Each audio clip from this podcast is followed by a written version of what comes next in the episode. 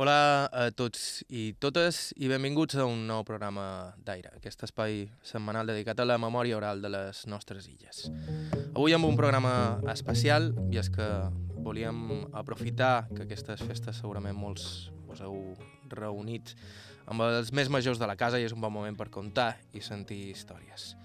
Al llarg dels quasi 60 programes d'aire hem tingut l'oportunitat de conversar amb gent increïble que ens ha explicat històries que ens han transportat a aquelles illes d'abans del turisme que eren com un altre món. Així que en el programa d'avui i en el de la setmana que ve escoltarem algunes de les històries que més ens han sorprès i meravellat per aquí. Històries sobre el contraband, la pesca de llagosta a Menorca, la guiat de Tortuga, Formentera o simplement sobre com era aquella vida humil i esforçada d'un temps. Això és Aire a IB3 Ràdio, us parla Joan Cabot. Començam.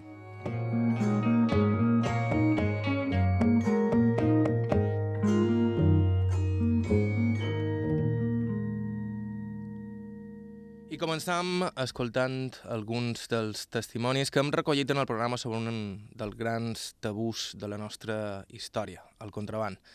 Molts historiadors asseguren que el contraband va ser la major economia de l'illa durant dècades, però malgrat això, durant molt temps era complicadíssim sentir ningú parlant-ne obertament. Per aquí hem vist de tot, des d'aquells que s'estimaven més que ja, en aquells que t'ho contaven ben bé tot en tots els detalls. Una d'aquestes persones va ser el faroler Pedro Bonet de Llucmajor, qui de jove va treballar per una quadrilla de contrabandistes. Nosaltres, allà on hi havia la possessió arribava a la mà. Hi havia el part de la senyora, que podien pujar, la pedrera blanca, perquè primer hi feien, hi feien marès i la s'enduen no sé on, i l'escorxador. L'escorxador no podien pujar, podien pujar un tros, però a més era molt complicat. Però la pedrera blanca, en de dia era fotut, però en la nit, com que no volen esperit, pues, bueno, hi havia gent, pues, això van començar que hi havia gent que venia, no, no sé si podria pujar sany de 60 quilos, saps, de tabac. Primer només hi havia tabac, cafè i tabac. I després van endur sucre, en barra, bueno. L'assumpte és que allà passaven, i mon pare, quan jo tenia 11 anys, em va agafar el meu germà, que en tenia 7, i jo 11, me'l va explicar què és el que passava, que aquesta gent duien tabac, això va dir, ho de saber, però... Bueno, no, quan jo vaig tenir 17 anys, me varen cridar i me varen dir, no, no te cridam per, per traginar de és molt dur, tant de mesté. I, I què voleu? Hi havia, la companyia tenia no sé quants socis. O sigui, eren una companyia, posaven dos bés, eh, al principi les barques, la barca grossa quedaven fora, i venia, i l'altre li feien un tubo i posaven el tubo d'escape a dins l'aigua, perquè no feia nou. Bueno, aquestes companyies tenien, jo que sé, 8 o 9 o 10 socis. Dos d'ells eren els encarregats de, de, de lo que no se'n podien dur, ho havien d'amagar. I dins les mates, una mata com tot això, amagàvem a qualcuna 16 sac de, de cafè. Fent, tenia un forat, després, com que aquestes mates tenen molta fuaca, terra de mata, ho tapàvem i posàvem una post. Bueno, me van dir, tant de mastell, què tinc que fer? Diu, mira, ton pare té un mul, en tenia molts, que de, de, de, de dolent que era, no és que tira, va provar de tirar coses, tenia un cascos, quasi tots han de posar ferradures. Aquest de dolent que era, no havia de mestre ferrar.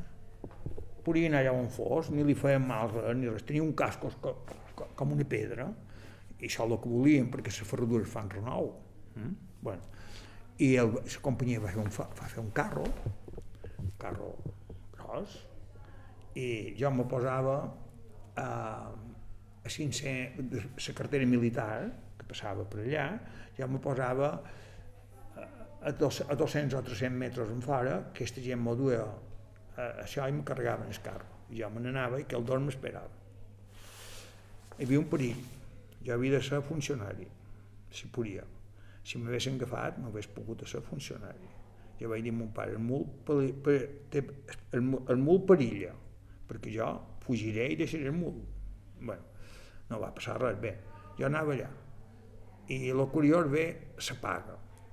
En aquest temps, un home a fora vila, menjant a la possessió, visquent allà, i llegant a la, païssa, a la sostre, que li voleu dir, cobrava, els bons cobraven 350 pessetes al mes i els altres 300.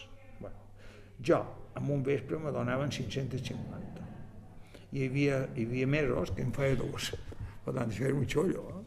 O sigui, mil, mil cent pessetes, quan els altres cobraven. Hombre, els funcionaris i això ja cobraven un poc més, no? Però, bueno, i jo, clar, estudiant, pues, jo m'anava de meravella i tot era perquè allà, això m'ho pagaven, o molt també, però era perquè sabien cert que primer m'hagués mort que no, perquè això era molt perillós. Hi va un home aquí de major, que no direm noms perquè no se poden dir, que se'n va anar un pot de la llengua i no va tornar a jeure per mai a la possessió, va deixar sempre llum major. Eh? Era el testimoni de Pedro Bonet, de Major i d'ofici faroler. Però si hem recollit un testimoni detallat sobre el contraband ha estat el del també lluc majorer Martí Pasqual. Un testimoni que va donar per un parell de programes aquí a Aire i, de fet, dos dels nostres programes preferits de sempre. Aquest és Martí Pasqual. També passava una cosa, que els qui se'n cuidaven de cercar gent els coneixien per uns i per altres els coneixien.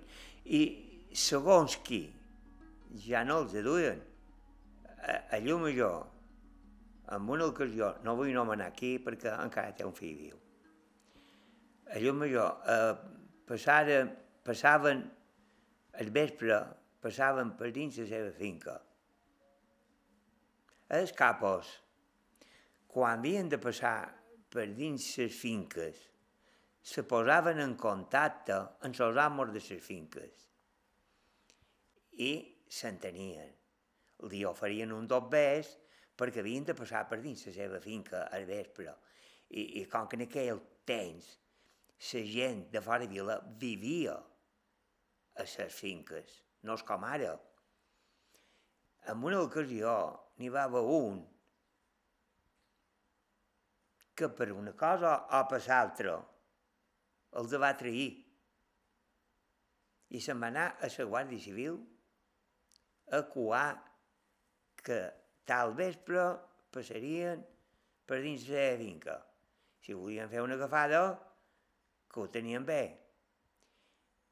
Segurament, abans de que demanar qualque cosa, de que, de, de que demanar dos bés, perquè aquest home, aquest, aquell senyor allà, jo dic a la Guàrdia Civil, allà d'acudir a la Guàrdia Civil del poble, va acudir a la brigadilla de Palma, que aquests sí que duien idees d'agafar contrabando. I aquest, aquests tenien molt mal comprar-los. No se volien vendre, aquesta gent.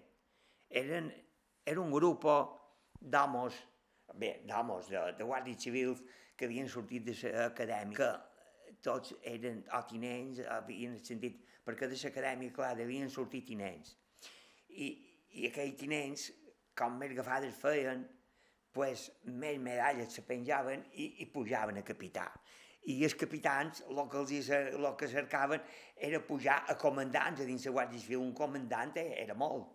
I, i no, i, i tenien molt mal comprar-los. Aquell senyor d'aquesta finca, com he dit, va anar en aquests altres, en aquests altres segurament se va vendre amb més quantitat de dobbers que el que rebia del contrabando i va fer la quadra. Com que va fer la quadra, pues, la brigadilla va anar dret aquest vespre a agafar. Que va ser un dels vespres que, no, que, que jo vaig rebre tirs. El que passa que segurament tiraven a l'aire, perquè de 10, més o menys de 10 metres que jo me va, me va acudir Guàrdia. Justament aquell dia jo anava davant, perquè quasi sempre anava davant. I la Guàrdia Civil me van vestir a jo i en el meu germà. Feren l'agafada, però clar, feren molt poca agafada perquè nosaltres la companyia mos tenia ben dit i ben advertits. si la Guàrdia Civil vos d'un assalto, tirau el sac que duis, o les caixetes, lo que duis, tira-ho i que no vos agafin. Valtros, a dins la garriga, el vespre sabeu córrer més que ells. No vos agafaran si voleu. Que no vos agafin. Perquè si vos agafen i vos posen dins la presó, mos costarà molt de dos mesos per de treure. I nosaltres això no mos interessa. No vos han d'agafar. Deixau fer el gènere, que els s'enduguin. Però a vosaltres no vos han d'agafar. Sempre mos deia el mateix. pues, aquell senyor que va fer aquesta coada, va fer la coada, vale. Els contrabandistes no eren ells. Tenien els seus contactes, tenien els seus espies. A través dels seus espies van arribar a saber qui era que havia fet la coada. Aquell senyor d'aquesta finca no saben com ni com no, un vespre, perquè el devien, segurament el devien ballar, i clar, una persona que fa feina fora de vila, un moment o l'altre d'estar tot sol, si, si te ballen. Segurament, dic jo, que el degueren ballar, el agafaren, el formaren en un pi i li donaren una passada de calça d'arena. Avui en dia la gent no sap què és calça d'arena. La calça d'arena era un talec que agafaven com una sobrassada de gruixat, més o menys, i llarg, que tenia de més, més o menys de més un metre, i l'omplien d'arena. I si a una persona li donaven una topada a damunt l'esquena de calça d'arena, no se salvava, moria. I llavors era una mort rabiosa, perquè els cots, segons deien, entraven a de dins i se cangrenaven, i en aquell temps no hi havia qui els curar. Tot m'he ben que dir que aquell senyor, que jo ara tapal, que no vull nomenar qui és, perquè té, té un fill viu, i el fill no en té cap culpa ni una, perquè el fill no hi va intervenir per res. Encara era molt jove el fill.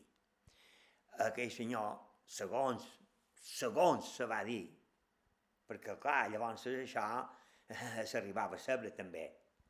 Segons se va dir, li donaren una topada de calça d'arena i aquell senyor va arribar a morir. Quan tu sabies això, sabies el perill que hi havia. I de més, que ells, quan te llogaven, autodeien el perill que hi havia. El primer que te deien, si has de tenir la boca tancada, pot venir. Però si te pareix que no l'has de tenir tancada, no vengues, perquè te duran unes males conseqüències. No importa tenir escritures, ni contractes, ni res. No te faltarà cap duro mai. Si tu te fas mal, que n'hi va haver, que varen caure, se varen fotre un genoll, se varen rompre una cama. Si tu te fas mal, te duran a la clínica, te pagaran tot, te pagaran el jornal, no te farà falta res mai. De gènere que pujaràs, sempre te, te pagaran. I així va ser. Jo en els 11 anys que jo hi vaig anar, no me va fer falta mai, mai un duro de gènere dels viatges que jo havia fet. I llavors, cap de dos dies te pagaven. Eh, era una cosa que complien, però no els atricionasses. Era Martí Pasqual, el nostre gran testimoni sobre el contraband, que, com comentàvem, va donar per un parell de programes aquí a Aire. I lluny de Llucmajor, Calamàrmols, Tomeu Mas Berger també ens parlava de la seva feina de pescador, una feina que sempre va estar íntimament relacionada amb el contraband. De fet, en Tomeu ens confessava que havia fet viatges amb la seva barca una partida d'anys, però va deixar bastant prest. Aquell és Tomeu Mas. No, a Cabrera no n'hi ha molt, molt, molt. Eh? No, no. no. Cabrera hi ha secret, però no hi ha molt de puestos de secrets a Cabrera no n'hi ha molts. Allà on n'hi ha molts, molts. Els d'Escat Salines, cap a, cap a Tàdia, en fi, fins, fins a cada ratjada, tota aquesta costa d'aquí, aquí n'hi ha molts. Molts, però. Sí. Bé, supos que aquells anys molta gent va tirar endavant gràcies a això. Hombre, aquesta, uh, uh, aquí els contrabandos que feien, que feien molt de cèntims era, diguem, es, es, es, el mandamàs perquè hi havia, hi havia, hi havia la gent que comprava, eh, eh, diguem, el contrabando, que aquesta gent feia dobbers, molts. Però també perquè enganaven les persones. Jo hi vaig anar un poquet, també, a descarregar, en la barca. I jo hauria guanyat dos milions de pessetes. Però mos deien, si el que vos hem de donar ho voleu posar damunt, damunt, damunt, damunt el gènere, cada dia tindreu més. Quan trobaven que era hora de pagar-nos una clotellada, feien agafar 50 bultos, una minoria, venien els civils i agafaven allò, i llavors aquell que mandaven mos deien ara mos ha anat malament, mos ho han pres tot, no ha quedat res. Vinga, un altre pic començar de nou. I la vegada que va fer dues, que mos agafaven, vaig dir, és que ja no vull venir pus. Jo ho vaig deixar anar i no hi vaig anar pus, perquè mos varen do, en dos pits se'n va anar. Jo no vaig cobrar res, mai. Vaig fer feina dos anys i no vaig cobrar res. I era una feina do, molt, molt dolenta, que això. Eh? Clar, perquè ho havíeu de fer de vespre. Si hi havia mal temps, la barca pegava amb sonars per les penyes, perquè ja, la fosca, sempre feies feina en la fosca.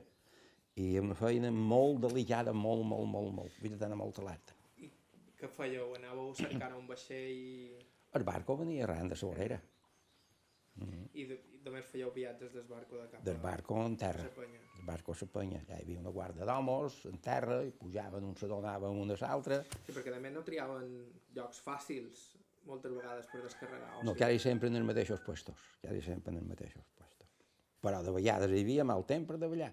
I el barco, com que venia de Grècia, quan sortia s'aturava a Barcelona i descarregava la meitat per pobles de Barcelona i llavors venia de cap aquí. I aquí s'aturava a Cala Ratjada i s'aturava a Porto Cristo i, i, i anava deixant. I el darrer puesto, Erbissa. Se n'anava fins a Erbissa. I aquí venia fins a la vorera. I teniu idea de, de lo que havíeu descarregat? Solia, solia caf- ser cafè o ta- tabac de pota... No, no, no. Nosaltres només, jo ja només vaig descarregar tabac. Tabac. Perquè antes, antes, que hi anava, el, meu germà hi va anar també descarregar per la colònia, en el camió, llavors ho traginava, però darrerament jo ja només era tabac i, i els bultos pesaven 20 quilos. I antes hi havia sac de pastilles, que feien llavors cigarro amb una pastilla, que feien 80 quilos. Cafè, també. Estaven forts, Sí. perquè venien a pujar les penyes amb... Pujar les penyes i de les penyes els homes aquells que feien feina a la vorera el du, havien de dur una llombàs i el duen a les salines. De la vorera de la mà. S'havien de posar un sac que feien 70 o 80 quilos de munt el coll i en la nit sense vorell, perquè sabien el camí ja per on havien d'anar. Però no era, no era fàcil això. La vall varen fer aquells, aquells, aquells, tothom va fer la seva caseta, perquè llavors els que guanyaven en la nit feien dues vegades més de feina en la nit que no feien de dia en el camp, perquè també a la vall descarregaven a la vorera i llavors el duen per dins la vall, que estava ple de secrets també, per, tot, estava brodat de clots, se deien secrets. I l'enterraven d'allà, llavors els cotxos, al vespre, cap a Palma. Però jo dels pits que jo vaig descarregar no varen venir mai, civil. Més que un pic va venir l'arrendatari, la barca, i va agafar el meu companyero. Jo me vaig salvar per, per, perquè ell va prendre cap a Santanyí i jo vaig prendre cap a la colònia. I justament van dur la mala sort d'anar-se'n darrere aquell. I jo vaig poder arribar a la colònia. Vaig descarregar a damunt una illa que ha, el que duia, i me'n vaig anar al port. I jo, quan vàrem fermar la barca, la Guàrdia Civil va venir, però ja no estàvem allà, no m'ho vàrem veure. Però jo només era aquell pic que agafassin en una barca aquí. Ara de tot el més, jo no vaig veure res mai. Mos deien, mos han agafat 20 bultos, però molt de pit no era vera. Era per prendre molt el que nosaltres teníem allà, que havíem posat. Perquè jo guanyava molt de doble llavors, eh? Ja me donaven 100.000 pessetes cada vespre que feia feina. Per... Per fer feina. Ja Tota la nit, feien feina tota la nit. Però guanyaven molt de dobbers, molts. I els homes també, eh? ja no sé què és que ens donaven. També guanyaven dobbers, perquè era una feina molt, molt delicada. Jo un parell de fills vaig espanyar el peu de roda de la barca, pegant un cop així a la paret, a, a la penya.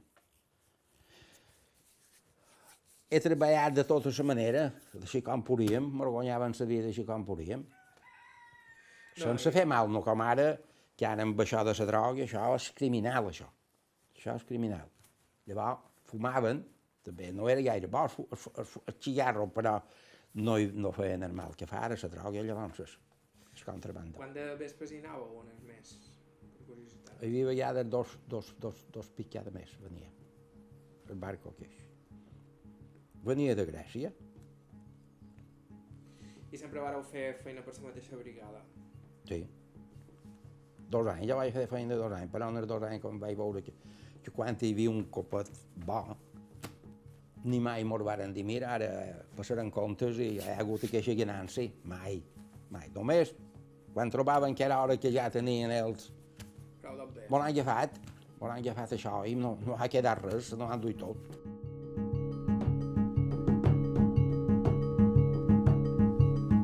Era Tomeu Mas, des de Santanyí. Estau escoltant Aire a IB3 Ràdio, avui amb un programa especial on estem repassant alguns dels testimonis més interessants dels que hem recollit per aquí aquest 2018 i part de 2017. Fem una petita pausa i continuem. A IB3 Ràdio, Aire.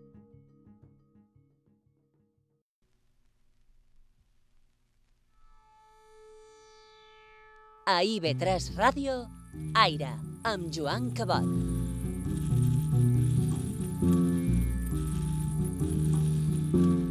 Hola de nou, això és Aire i Vetres Ràdio, avui amb un programa especial en què estem recuperant alguns dels testimonis més memorables dels molts que hem recollit en aquest programa.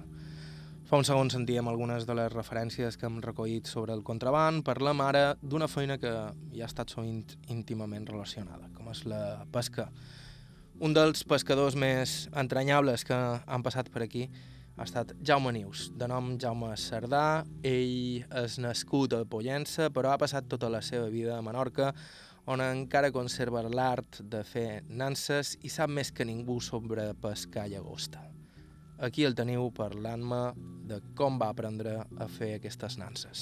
Quan vas aprendre, tu, a fer Bé, no sé, Tabada tenia 9 o 10 anys quan te'l vaig aprendre. Anar d'escola i quan tenia vacacions, sols de cap vespres, pues, mon pare deia, avui en tens que fer dues. I jo me posava a fer dues nanses.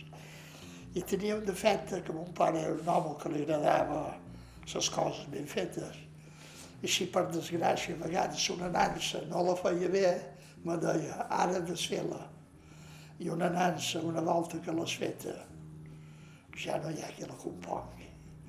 Te la poden fer desfer les vegades que vulguin, però després ja no, no va a qui em toca.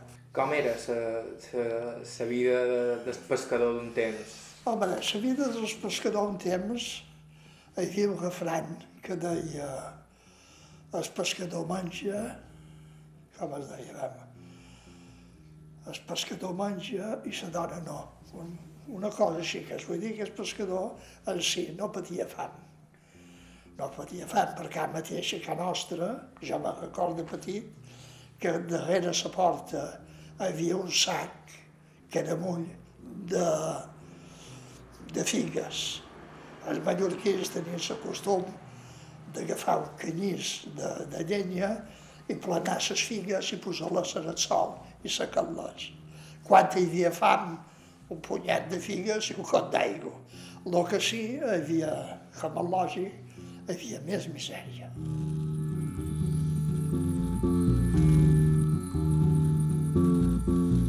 I aquí teniu uh, Jaume Nius, Ciutadella, parlant-me sobre com va començar la pesca de la llagosta.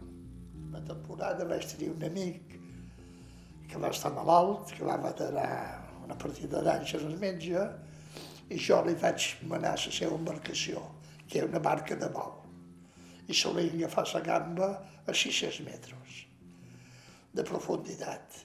I la pescava amor, davant Silla de l'aire, començava allà davant Silla de l'aire, allà mullaven la xerxa que li diuen es bou, i tirant sempre cap a llevant, cap a llevant. Vull dir, de camí, sempre cap a llevant. I arribava un cert punt que arribaves a una fundària enorme que li deien la fonera, després allà tombaven ja cap a la mola.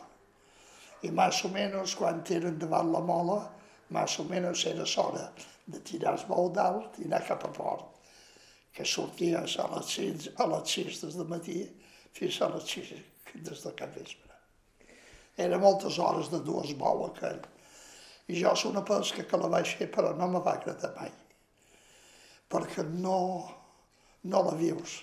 Així com anar amb palangre, sol llagosta, eh, que s'avui eren ben agafades, posaren 20. I ahir va anar malament que en van agafar 5. I es bou, una volta que tiraves es bou dins la barca, tant era que n'hi hagués 10 quixons com 20 com dos. Acabaves aquella feina ja havies acabat. La teva feina era d'estar en el timó, que en aquells moments que havia acabat la feina tu anaves a dormir una estona i un mariner m'anava una estona a timó. Però no la vivies, la pesca. Ja n'hi podia molta de gamba o poca, però no. Avui he anat ben agafada molta, però no allò de dir, no, anat bé, l'hem viscut, allò d'estar content. La marca de bou mai ho vaig veure, mai. La temporada de llagosta durava cinc mesos, temporada de llagosta. I cada cinc mesos, pues, es posarà nou. I de, de, de quin mes va, més o manco, quina temporada de Sanyes? Saps? De quina temporada de Sanyes, quins mesos són? Uh, els mesos de, de sebril, maig, juliol, agost, són els mesos més de calor. Són els mesos més de temporada de, de llagosta. I la resta de l'any que pescàveu? I el resto de l'any anàvem amb palangres. Però s'ha mostrat això d'aquí, que seria una cofa, eh, i anaven els ams dins la cofa, i el que pescava el palangre. I el palangre era es, es agafar el gegat, els gatons, els serrans, tot aquest tipus de pesca era la que s'aprofitava per fer la pesca. Ja són els millors i són els pitjors per, per agafar llagosta. Tu com, com coneixes una zona? Ara, eh, les zones, si se protegeix, les zones totes són bones. El que hi ha zones, unes més bones i unes altres. Les zones que són d'un poc més de fundària, sempre ser una zona més bona que pel fons. Sempre aquelles zones de, t'hem de dir jo, de 70, 80, 90 metres, sempre era la zona més bona per la llagosta vermella que agafàvem. A quan hi ha la llagosta que està blanquera, ja és de molt de fons. Ja és de, de 100, 200 i 300 metres. I com així és tan bona la llagosta de Menorca? Oh. Jo pens que serà per les aigües, perquè un puesto les aigües, no sé, tal vegada més, més salades, no serà els gust dels peixos diferent, perquè inclús jo tinc present molta gent que menjaven una cabra agafada de Menorca, tant ser de Mó com de Mallorca, no? que la trobava molt bona, comparat a una cabra de Galícia. I és perquè i és per, per les aigües. Però les aigües més salades, més de zones, sabeu que és, el peix és més bo o més dolent. Hi ha, hi ha tipus de d'ormenys so que li donen molt de noms, però la nansa només tenia el nom de nansa feta de joc i canya i el principal que era l'embut. Que l'embut nosaltres li deim l'enfàs que per aquí on entrava la llagosta i tenia la part de dins un parell de pues i la llagosta no podia sortir. I, i en les nances, pues, segons quines zones, agafaves moltes molleres, la bròtola, que seria en castellà, que avui en dia han desaparegut molt. Jo hi havia temporades en les nanses que hi havia setmanes de 80 i 90 quilos, hasta que fan 100 quilos de molleres, molles de quilo i mig i dos quilos. Passaves gust de menjar un peix agafat de nansa, perquè no estava, no estava copatjat així com a la xerxa, la millor es copeja o un pop o la xocolata, en la nansa sempre estava més. I em posàveu 600 Jo, nanses. I a la nansa jo pescava en 600, més o menys, i maduraven la nansa 4 3 mesos.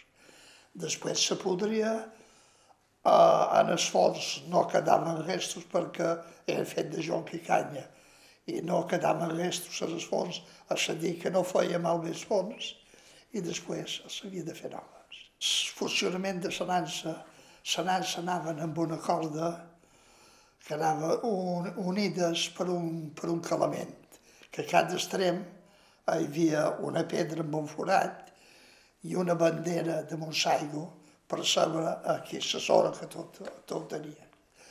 I uh, les nanses anaven unides en la corda mateixa cada vuit braces. A, a les vuit braces hi anava una nansa, a les vuit braces hi anava una altra, i, i estava tot fet en nanses. Era Jaume Nius, resident a Ciutadella, nascut a Pollença, tota una vida d'experiència pescant llagosta en aquesta illa. La vida de pescador era una vida lliure, però també perillosa, sobretot en aquells anys en què no hi havia altra tecnologia que la intuïció i l'experiència del pescador. Jo quan vaig venir de servici amb permís tenia un amic que era pescador, dic, escolta, que no m'hi ha José, per cert, ja farà anys. Dic, mira, demà vendrem vosaltres a pescar. Mon pare tenia la barca plena uh, i aquest, pues, eren dos tots sols. Dic, bueno, da, vens. I me recordo, me recordaré sempre, que a les 10 del vespre va venir a meu. Diu, Jaime, ho sé molt, però demà no podràs venir a pescar amb altres. I jo li vaig demanar perquè. Diu, no, és que el conco meu no vol que venguis. I amb això jo no anaria a pescar. Va entrar un cap de fibló i va tombar la barca i la barca va anar veure's. És a dir, que tots els tripulants que hi havia es van morir tots, van perdre. I, i era, pel que jo dic, que un té sense barques petites, barques baixes, i segurament, segurament, no quasi quasi segur, que havien arrencat el motor. I en arrencar el motor, clar, el vent te, domin, te dominava més el vent que el que era el motor. I segur que el van trobar fent feina, llevant palangres, i quan van voler anar a posar el motor en marxa, amb el gran vent que hi havia, no van poder.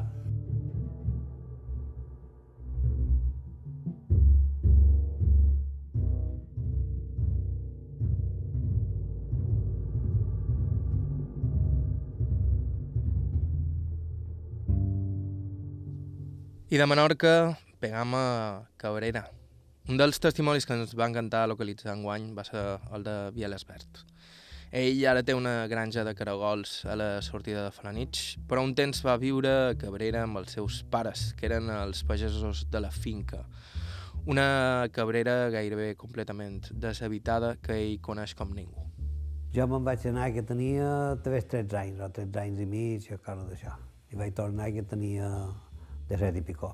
Jo, de, de, de, quan que era una edat, una edat borral que teníem, diguem, m'estirava molt a Mallorca perquè tenia els amics, perquè ja no hi havia, hi havia poc, poc soldats i això, però, però ara molt de pit, he dit, vaig fer una passa mal donada, havia d'haver quedat allà, perquè era un paraís, l'illa de Cabrera. Bastant tranquil·la, perquè allà no hi havia, no teníem problemes amb ningú, tothom, tothom se coneixia, tothom era com una família, i, bueno, eh, nosaltres estem que hi vàrem estar, eh, no vam tenir problemes mai.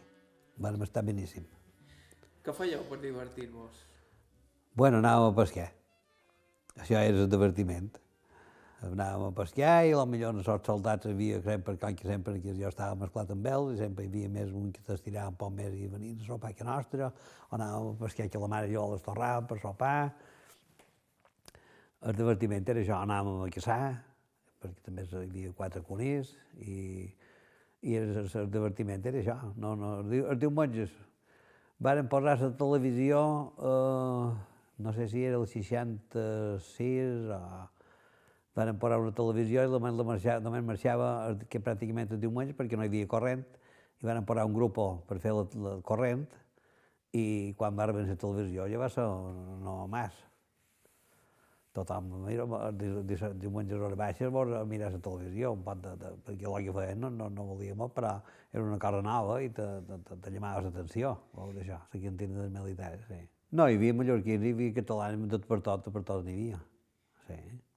I n'hi havia que pues, demanaven per, per estar allà.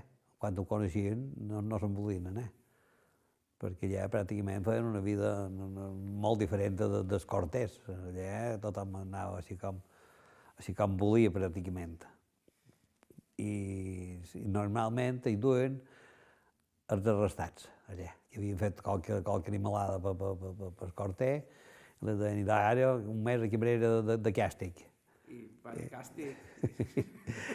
Només era que estaven allà que no se'n podien anar. No, n'hi havia que esteu passant malament. N'hi havia que, que, que no, no ho agafaven bé, però n'hi havia que... Jo no me vull tornar d'aquí. Si vull que passa mil aquí, la quemaré. No feien guàrdia, ni, no, no, no hi havia res allà, pràcticament. El, de, el dia de que venia el barco, que venien, a lo millor venien, els canvis dels militars, eh, pues era el dia que, que tothom se vestia de, de, de luces. Però si no, els dies normals, tothom anava així com, així com anava, no, no hi havia problemes. Els militars no, tampoc no, no els interessava posar-se malament els soldats allà mateix perquè no hi havia per què. Si feien bonda, si feien el que, el que però no feien instrucció ni feien... Ja, no, no, no, no feien. Jo no vaig veure fer instrucció mai allà. S'ho bon sentit, que tothom feia, feia el que, perquè un feia de jardiner, li cuidaven els, els, els jardins i això, i un traginava aigua, i tothom feia un poquet de feina, però bé, no, no, no res de, de, de, de, de disciplina 100%. Bueno, ja tota la feina se feia a la mala, amb vistis. No hi havia cap tractor ni, ni, ni, ni. I per aquí començava, perquè això era el 63, 4, hi havia molt poc tractors per aquí a Mallorca, ja, i allà que ni un. Nosaltres teníem tres vistis i feien tota la feina en les vistis. Jo, com aquí, pràcticament, perquè aquí també se feia la feina, les vistes en aquest temps. Però allà era una... La terra, era, el que se podia cultivar era una terra boníssima. Amb la meitat d'aigua que aquí se feia, s'assenyada per mort de la humitat de, de la mà i això. Allà comptava més la humitat. Conràvem cereal, tenien 300 ues, i les ues anaven per totes illes. Les anaven a llaure i estaven per totes illes, per totes illes. Les replegàvem tres, quatre vegades cada any per llevarments o per, per tondre, per tot de les i per, bé, per tenir un control de, de les ues, perquè normalment hi havia la guarda grossa, la part grossa sempre estava a prop camp perquè tenia, hi havia més menjar. Però sempre hi havia petites gordetes que se, se, se destacaven i anaven per totes les illes i potser només les veiem un pic cada any o dos. Quatre vegades cada any les replegàvem, feien la volta a totes les illes i les replegàvem totes. Quant de temps se torba a fer la volta a tota silla? Bueno, uh, un dia no basta. S'ha de fer dos, dos dies i mig o tres. Per fer-ho uh, ben a rou, diguem, voltar tota l'illa, voltant, voltant la mà, uh, han de estar dos dies bam, bam, bam, bam. Encara me'n record bé. Ara hi vaig anar i vaig quedar bastant sorprès perquè tot el que era agricultura és, és guerrilla. Ara no hi ha, no hi ha un pam de terra que se pugui cultivar. Bé, excepte el que és una mica tot, tot allà de la font, tot l'altre, no pareix veure uns 50 anys el que, el, el que ha fet. És una pena perquè eh, ara és una illa, per jo és una illa morta, que no té vida, i antes hi havia vida. És una pena que hagin deixat abandonar d'aquesta manera perquè hi havia rodal de, de, de, de, de, de terra boníssima. Però nosaltres, quan hi vam estar, eh, se podien cultivar sent cortaredes. Blat, tardis, cibada, bueno, i faves, fèiem un poquet de, de cereal rodatiu, un pot de tot, perquè també teníem un parell de trutges, un parell de parts, i, i engreixàvem part per les matances, i, i tot ho feien de cereal de, de cuit allà. Allà, a Cabrera, pues, venien els soldats, venien els... Mem, el senyor, home, dona, me li deien, eh, no me'ls podia escorrir un quilson, per exemple. I ma mare arreglava els quilsons als soldats i quan era la zona de, de estem de batre. Eh, sempre venien a ajudar-nos, perquè sempre n'hi havia de pagesos mallorquins i que sabien fer la feina i ens ajudaven i ens ajudaven entrar sacs i sobre baixa, sempre, sempre ens van ajudar molt, estem de, de, de, de molta de feina, sempre n'hi havia que ens ajudaven. També feien matances, i va, eh? cada any matàvem un porc a dos, i aquest pagès sempre hi havia menjar per tothom. Pensa que hi havia una barca de bau, perquè els mariners, quan hi havia molt de mal temps, pues, havien d'entrar en esport i molta gent venia a mem que no tindreu cap gent de pa per nosaltres o una sobrassada perquè hem quemat els tastos i que nostre sempre havia menjar per tothom. I mos deixaven peix, i mos de... hi havia una barca de bau que pràcticament no la van conèixer mai, el, el patró de la barca, i entrava a lo millor dues o tres vegades cada any a dins el port. I sempre deixava un, peix, un quixó de peix per pagès. I el soldat mos duien, eh, m'hauran de això per vosaltres i pràcticament no van arribar a conèixer mai el patró de la barca, però sempre no entrava mai que no deixava un quixó de peix bo, però no res de... de... Sempre m'ho enviava una, una caixa de peix.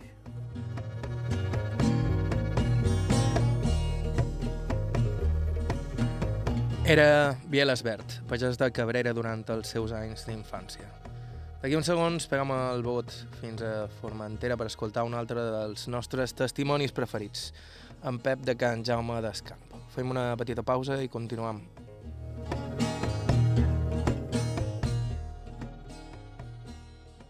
Joan Cabot. Aire.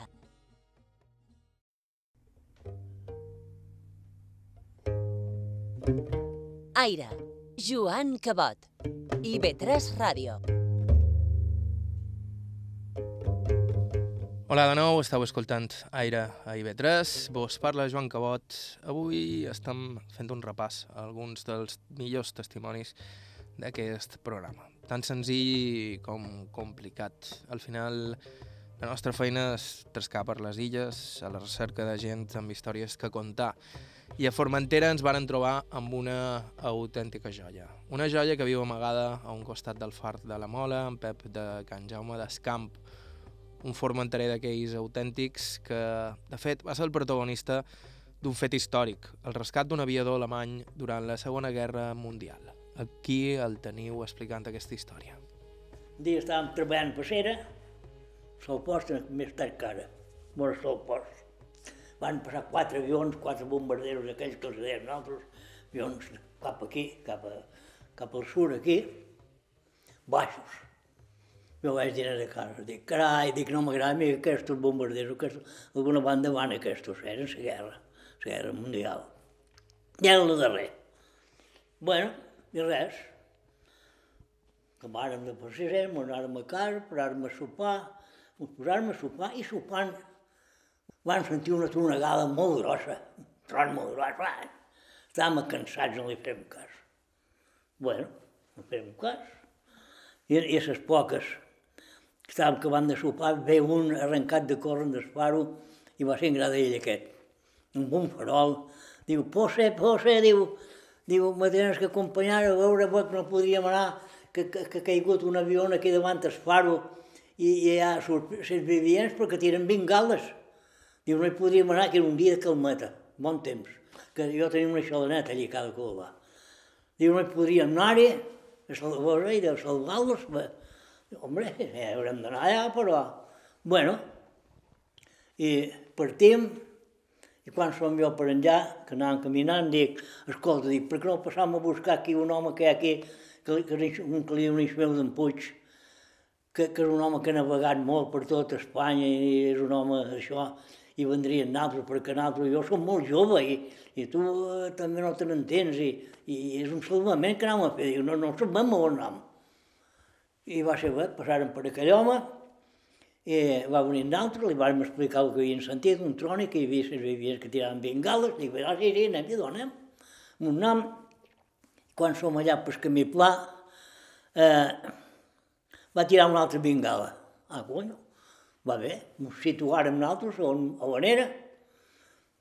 I vam dir, està a prop de la barbada, dins el blanc, molt prop. Bueno, tira per avall, quan som baix, dèiem, la meva barca és molt petita perquè és una xalaneta amb molt poca força, però diu, hi havia un bot que deien els bots darreres que tenia més força prova. Vam dir, meu sogre va dir, diu, perquè aquest era el meu sogre, diu, va ser el meu sogre, jo tant plom dic, si m'ho puig com el meu sogre, però bueno. I diu, convendria que a veuràs amb el bot aquest que té més força prova, per si hi havia més d'un. I va ser, va, veuràs amb el bot, amb un nom, jo anava a prova, eh, el meu en Puig bugava popa i, i en Gradell bugava l'altre això. I jo estava a prova. Tira, en això ja vam entrar dins un xarco d'oli i grassa i, i això, dic, eh, estan dins una bassa de, de grassa i oli, dic, estarà prop per aquí. I això, ah, quan jo el veig, anava dins un, un, un pot de goma, una balsa de goma. I ja em vam atracar cap a ell i jo li vaig fer, veiem, quants eren? Quantos? I mos fa, aina, aina. Ro, diu, rotros caput. Ah, bueno, bé, només ell, els altres caput.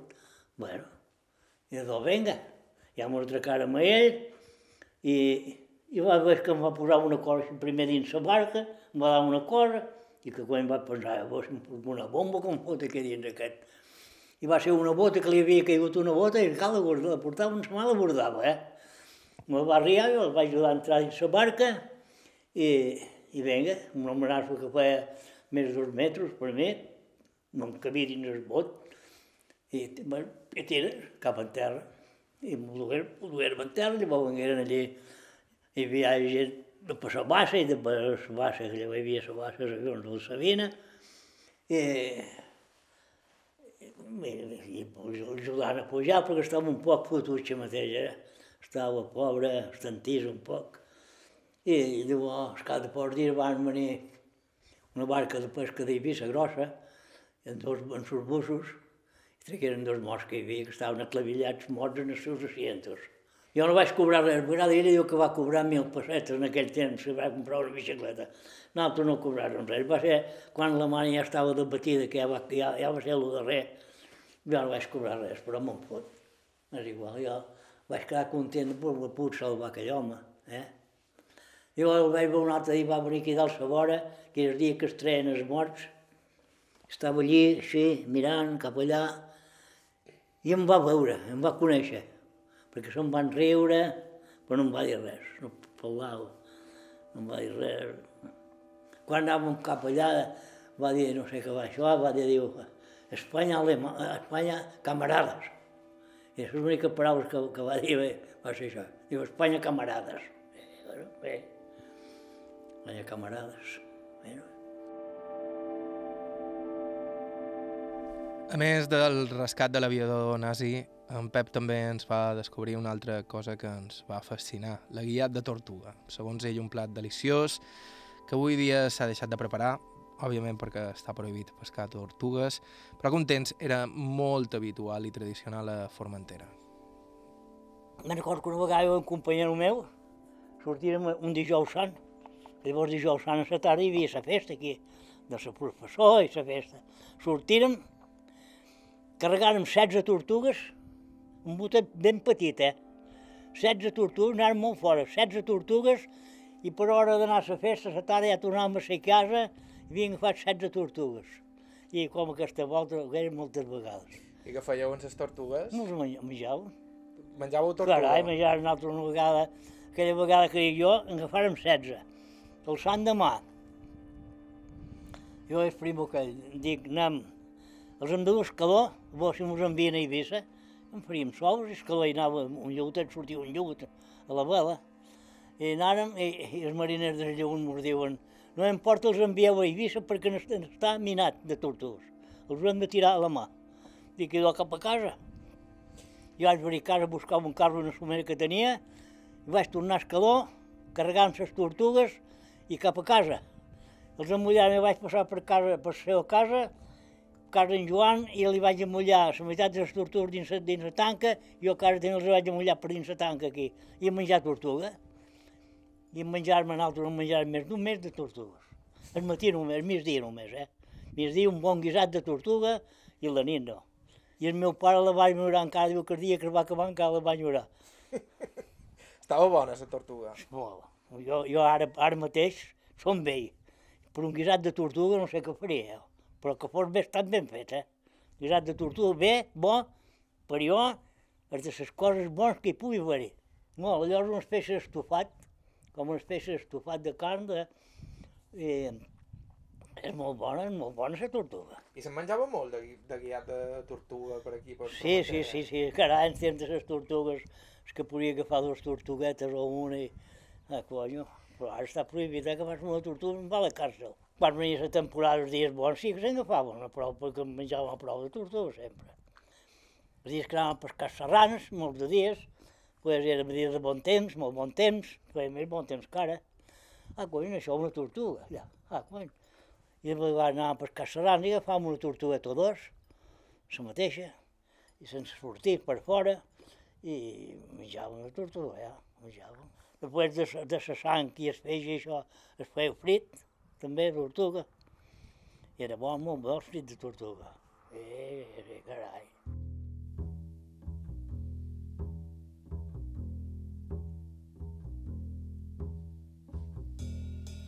I no tenim temps per més. Si voleu tornar a sentir qualsevol dels nostres programes anteriors, ho podeu fer a la ràdio a la carta, ib3tv.com barra ràdio, o bé subscrivint-vos al nostre podcast a qualsevol dels serveis habituals. Com heu pogut comprovar avui, el nostre arxiu està ple de petites joies. Si teniu propostes d'entrevista o vos voleu posar en contacte amb nosaltres per qualsevol cosa, ens podeu escriure a aire.ivetresradio.com i també ens podeu seguir a Facebook i Instagram. Bàrbara Ferrer i Margalida Mateu la producció executiva, Bernat Nadal a la producció tècnica, vos ha parlat Joan Cabot. Fins la setmana que ve, molts d'anys a tothom.